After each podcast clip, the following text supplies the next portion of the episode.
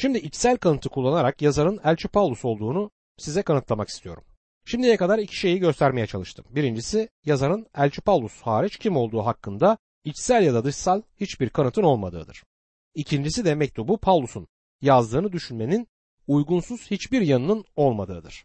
İlk olarak içsel ya da dışsal kanıtların mektubun yazarının Paulus olduğunu desteklemediklerini göstermeye çalışayım. Örneğin Origent bu mektubun düşüncelerinin Paulus'un kafasının mührünü taşıdıklarını ama mektupta kullanılan dilin Paulus'un kullandığından daha saf bir Yunanca olan Hellenikotera olduğunu söylemiştir.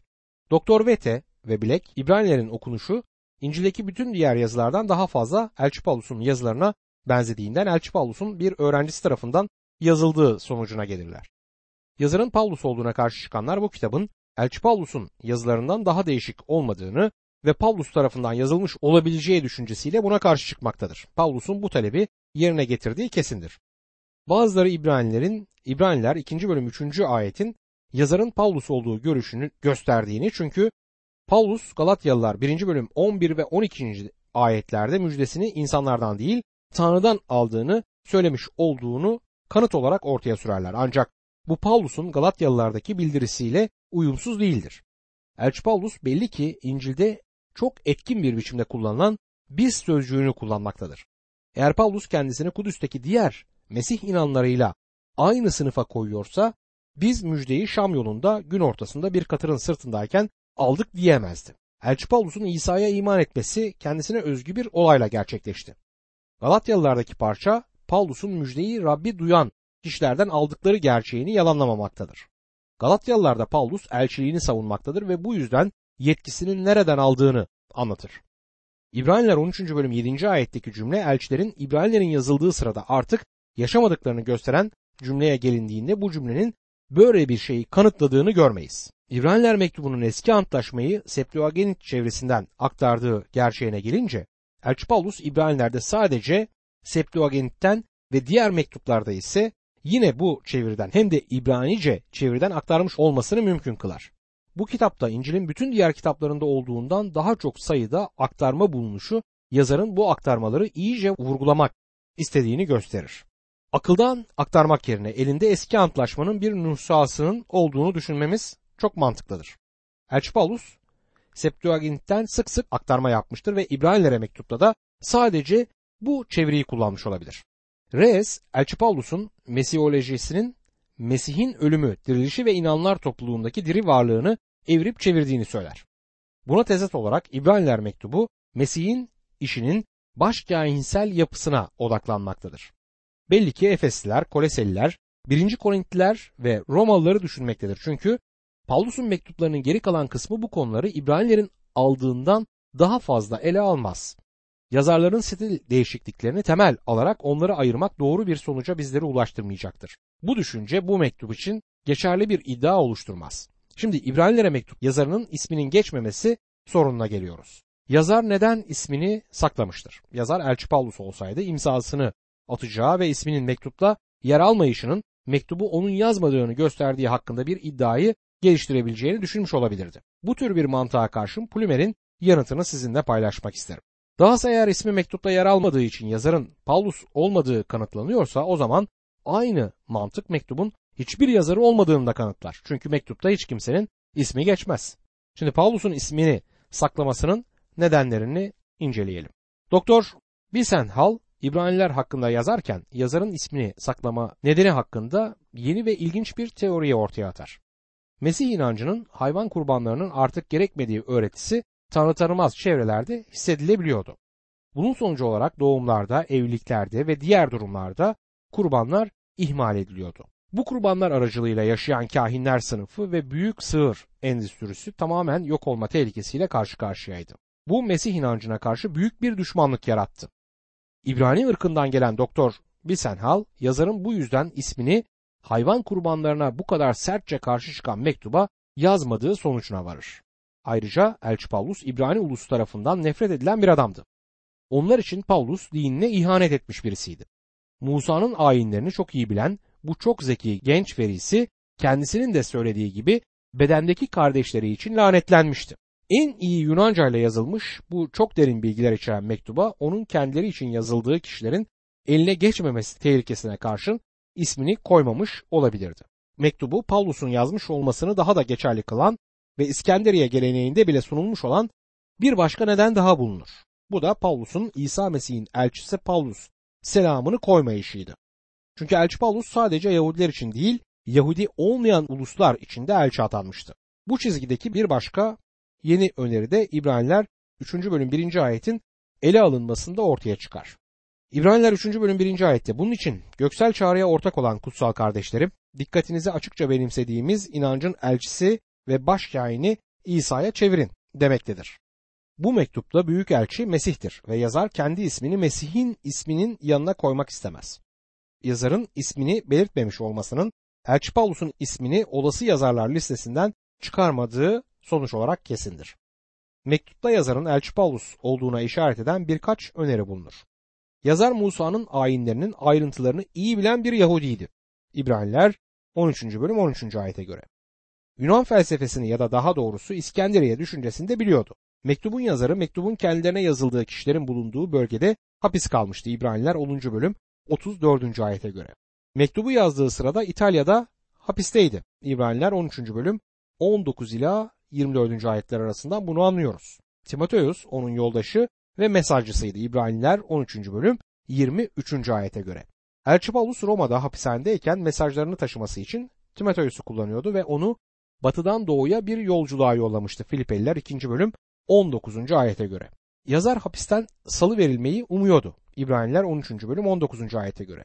Filipeliler 1. bölüm 25. ayet ve Filimon 22. bölümde dile getirilen düşünceyle Paulus'un dile getirdiği düşünceyle bu aynıdır. Bu imalar bir sonuca götürmese de bu tanıma Paulus'tan daha iyi uyan birisinin olmadığını bize gösterir. Lightfoot'tan uygun bir varsayımla içsel kanıt hakkındaki bu bölüme son veriyoruz. Mektubun yazılış biçimi Gamaliel'in öğrencilerinden bir bilgin tarafından yazıldığını gösterir diyor. İbranilerin ne zaman yazıldığı konusu yazarın Paulus oluşuyla çatışmamaktadır. Mektup eğer doğru olduğuna inandığımız gibi Kudüs'ün yıkılmasından önce yazıldıysa bu Paulus'un Roma'da hapiste olduğu döneme denk gelir. Elçi Paulus'un Kudüs'e son ziyareti mektubu açıklamaktadır. Elçilerin İşleri kitabı Paulus'un kutsal ruhun uyarısına karşın Kudüs'e gittiğini söylemektedir. Tapınağa adağı olan dört adamla birlikte kendini temizlemek için gittiği için tutuklanmıştı bunu yapması ve düzgün bir yaşam sürüp yasayı yerine getirdiğini belirtmesi kendisinden istenmişti.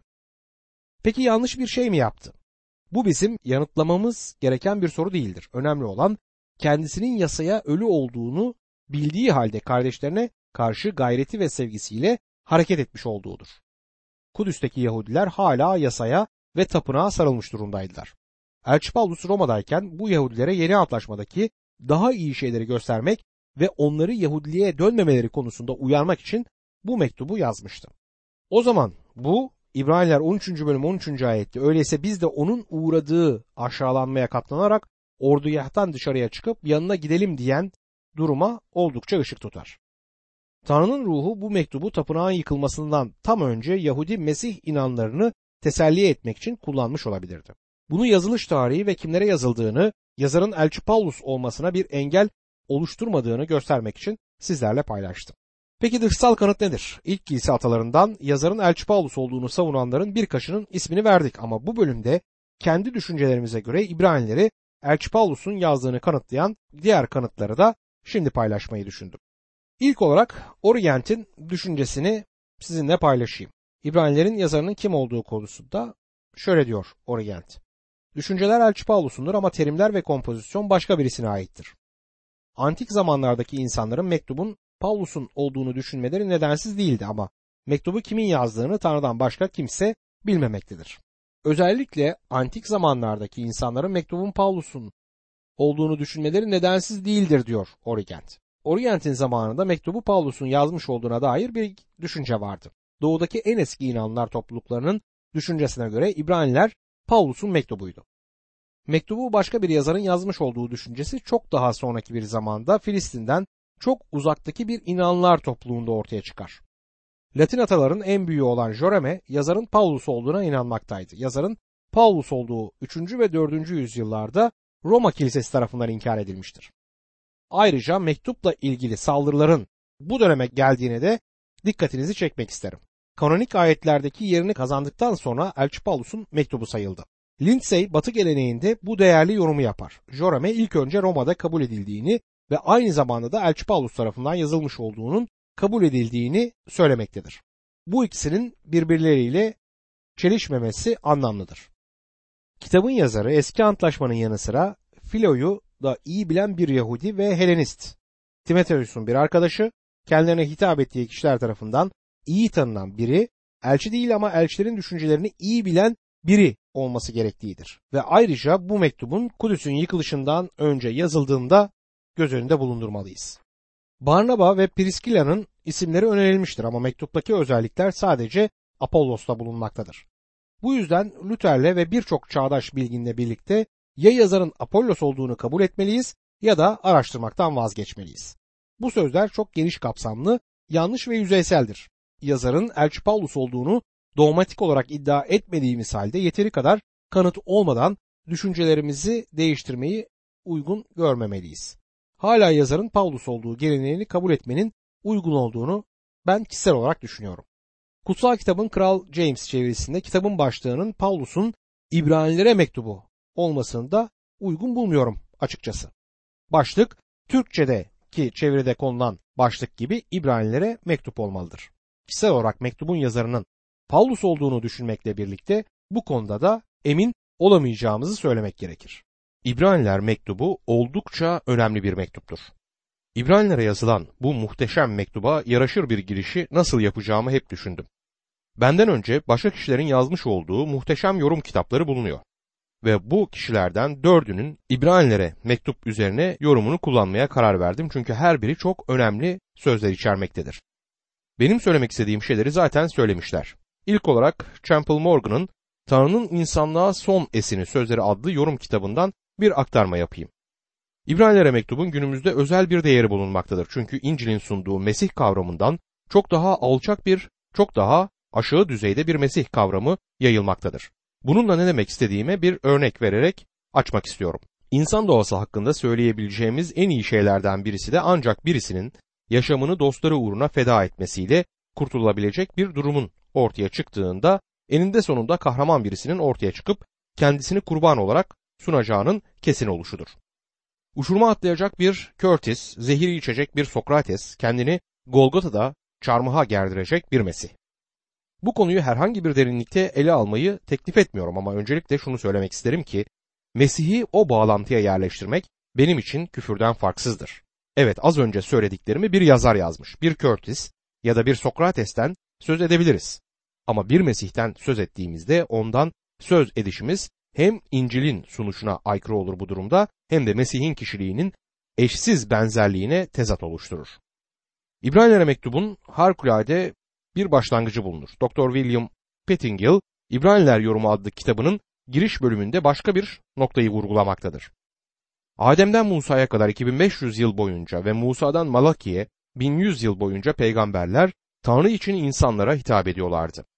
Ama 3600 yılın sonunda Tanrı'yı bildirişleri sadece kısmi kalmıştı.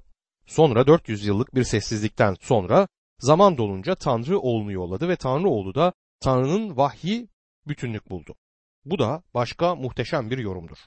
Şimdi İbraniler mektubunun bir üçüncü yorumunu size iletmek istiyorum. Bunu Schuyler İngiliz'in İbranilere ilişkin yazdığı muhteşem bir kitaptan aldım.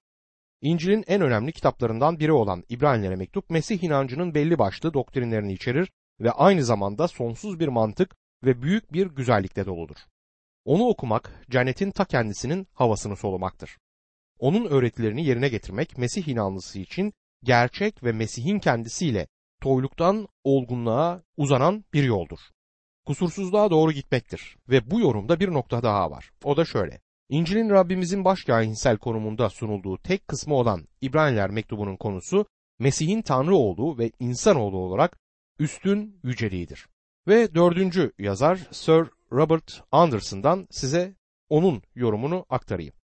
Mektupta ilerledikçe kendisinin çok iyi bir şekilde vurguladığı bu noktayı ben de vurgulamak istiyorum. Diyor ki bu yorumcu, yeryüzünde kilise olduğunu söyleyen kurumun gerçek asma olduğu cüretkarca ve Tanrı'ya karşı merhametsiz bir inançtan dönüş yalanıdır. Kilisenin zeytin ağacı olduğu reformcu kiliselerdeki Hristiyanların büyük bir kısmı tarafından paylaşılan asılsız bir düşüncedir. Ama kutsal kitabın öğretisi açıktır. Mesih'in kendisi asmadır ve İsrail'de zeytindir. Çünkü Tanrı önceden bildiği kendi halkından yüz çevirmedi. İbraniler'e mektup Batı Kilisesi tarafından uzun süre kabul edilmedi. Ve bunun nedeni de şudur.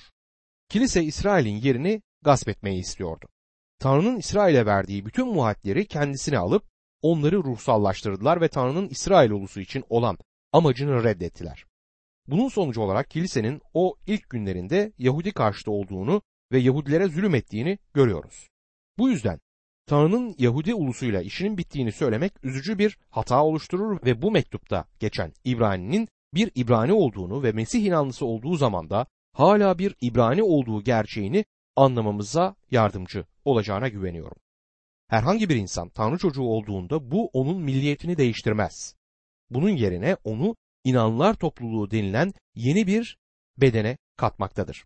Günümüzde Tanrı hem Yahudiler ve hem de diğer uluslardan kendine bir halk çağırmaktadır. Bu iş tamamlandığında Tanrı inanlar topluluğunu dünyadan alacak ve İsrail'e ve onlar aracılığıyla da diğer uluslara bütün vaatlerini yerine getirecek ve onlar için olan amacını gerçekleştirecektir. Tanrı sözünün sularına dalabilmemiz için bizleri tramplene çıkartan bu dört yorumcuya da minnettarım. Peki yazar konusunda ne diyeceğiz? İbranilere mektubun insansal yazarının kim olduğu her zaman tartışılır. Bir konu olmuştur. Kral James çevirisinde Paulus'un İbranilere mektubu başlığı yer aldığı halde yazarının kim olduğu hala tartışma konusudur. Yeni versiyon ve diğer çeviriler bunu düzeltirler ve sadece İbranilere mektup başlığını kullanırlar. Kutsal kitap edebiyatı hakkında biraz bilginiz varsa bu mektubun yazarının kim olduğu konusunda bir düşünce ve görüş birliği olmadığını da kabul edersiniz. İlahiyat eğitimim sırasında İbranilerin yazarının kim olduğu hakkında bir tez yazmış ve Elçi Paulus'un kitabın yazarı olduğu görüşünü savunmaya çalışmıştım. Bütün teknik ve bilimsel ayrıntılara girmeyeceğim çünkü yazarın kim olduğuna o kadar aldırmayanlar için bunun biraz uzun ve sıkıcı olacağını düşünüyorum. Ne de olsa insansal yazar önemli değildir. Önemli olan İbraniler mektubunun Tanrı'nın esinlendirilmiş sözünün bir parçası olduğudur. İlahiyat eğitimi alırken İbranilerin yazarı hakkındaki tezimi yazdığımda sorunu çözdüğümü ve bütün dünyanın da İbranileri Pavlus'un yazdığı hakkında bana katılacağını düşündüm. Ama günümüzde de bu konuda en az benim tezimi yazdığım zaman kadar görüş farklılığı olduğunu görüyorum. Ne Calvin, ne Martin Luther ne de geçmişte yaşayan bir sürü insan mektubun yazarının Paulus olduğu görüşünü kabul etmemiştir. Diğer yandan da birçok insan yazarın Paulus olduğunu kabul eder. Daha önce de söylediğim gibi önemli olan Tanrı'nın kitabı yazdırmak için hangi insanı kullandığı değil, mektubun Tanrı'nın esinlendirilmiş sözünün bir parçası olmasıdır. Yazarın Paulus olduğu dogmatik bir biçimde bildirilmese de Paulus'un kitabın yazarı olduğu konusunda pek çok kanıt bulunur. Hem içsel hem de dışsal kanıtlar Paulus'un mektubun yazarı olduğunu destekler. Bir kere İbraniler 10. bölüm 34. ayete göre yazar hapse girmiştir. Ve bu mektubu da İbraniler 13. bölüm 24. ayete göre İtalya'da yazmıştır. Yanında Timoteus bulunur. İbraniler 13. bölüm 23. ayete göre.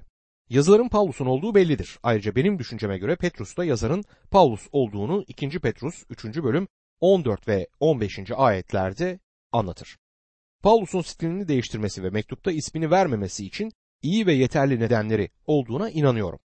Mektubu inceledikçe bunlara dikkatinizi çekeceğim. Peki tarih. İbraniler mektubunun yazarının kim olduğu açıklık kazanmamış olduğu için bu mektubun yazılış tarihi de daha büyük bir önem taşır.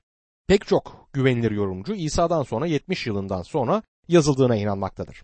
Bazıları İsa'dan sonra 85, bazıları da İsa'dan sonra 96 yıllarını işaret eder. Yine pek çok yorumcu İsa'dan sonra 90'lı yılları göstermektedir. Ancak mektubu okudukça mektubun yazıldığı sırada Yaruşilim'deki tapınağın daha yıkılmamış olduğu sonucuna varıyoruz. Bunun anlamı Roma İmparatoru Titus tapınağı İsa'dan sonra 70 yılında yıktığından ve Pavlus'un da bu tarihte zaten ölmüş olduğundan mektubun İsa'dan sonra 70'ten önce yazılmış olduğudur. Ben mektubun Elçi Pavlus tarafından İsa'dan sonra 70'ten önce yazıldığına inanıyorum. Mektubun konusuyla ilgili birisinin dediği gibi Romalılar mektubu Mesih inancının gerekliliğini, İbraniler açısından ise Mesih inancının üstünlüğünü açıklamaktır. Mektup boyunca görülen bu düşünce kıyaslayıcı bir söz olan ve mektupta 10 kez geçen daha iyinin kullanımında görülüyor. İbraniler'e mektup bizlere yasanın iyi olduğunu ama Mesih'in altında lütfun çok daha iyi olduğunu ve gelecek olanın görkeminin en iyi olacağını söyler. İbraniler'e mektup daha iyi olanı sunmaktadır. Mektupta yetkinlik sözcüğü ise 15 kez kullanılır. Aynı kökten gelen sözcüklerle birlikte 15 kez. Yapalım daki lım buyruğu kitapta 13. Yapılsın, sunulsun ise 5 kez kullanılmaktadır. İki ayet bizlere bu daha iyi yolu özellikle açıklamaktadır. İbraniler 3. bölüm 1. ayet şöyle der.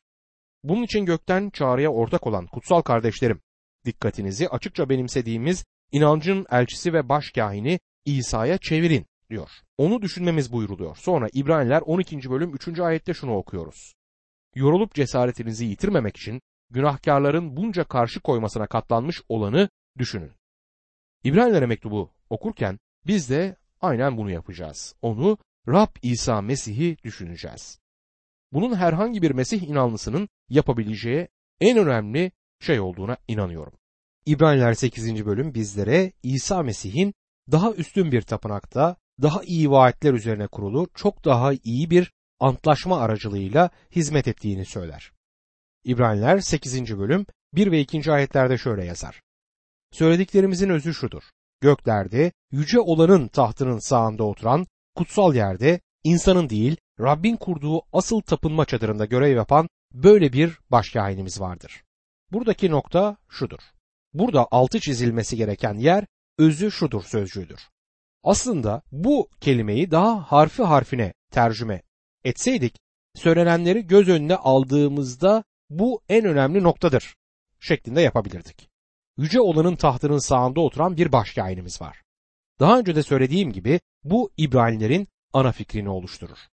Tahtının sağında oturan diyor. Mesih eski antlaşmadaki kahinlerden hiçbirinin yapmadığı bir şeyi yaptı. Harun'un soyundan hiçbir kahinin tapınma çadırında oturacağı bir sandalyesi ya da yeri yoktu. O her zaman koşuştururdu. Neden? Çünkü yapacak pek çok işi vardı. Bütün bunlar bitmiş bir kurbana işaret eden gölge gibidirler. Şimdi Mesih öldüğünden ve bütün bunlar gerçekleştiğinden kurtuluşu hak etmek için yeterince şey yapıp yapmadığımızı merak etmemiz gerekmiyor. Bütün yapmamız gereken İsa Mesih'e dönüp kurtarıcımız olarak ona güvenmektir. O oturmuştur çünkü kurtuluşumuzu tamamlamıştır. Bizden bütün istediği bunu kabul etmemizdir. Bazalel tapınma çadırı için çok güzel mobilyalar yapan usta bir sanatçıydı. Lütuf kürsüsü yani merhamet bulunan yer ve altın lamba ayağı altından yapılmışlardı ve çok gösterişliydiler. Kutsal ruh ona yol gösterdiği halde hepsi insan eliyle yapılmıştı. Buna tezat olarak Rab İsa cennette kendisinin yapmış olduğu tapınma çadırında bizler için hizmet etmektedir.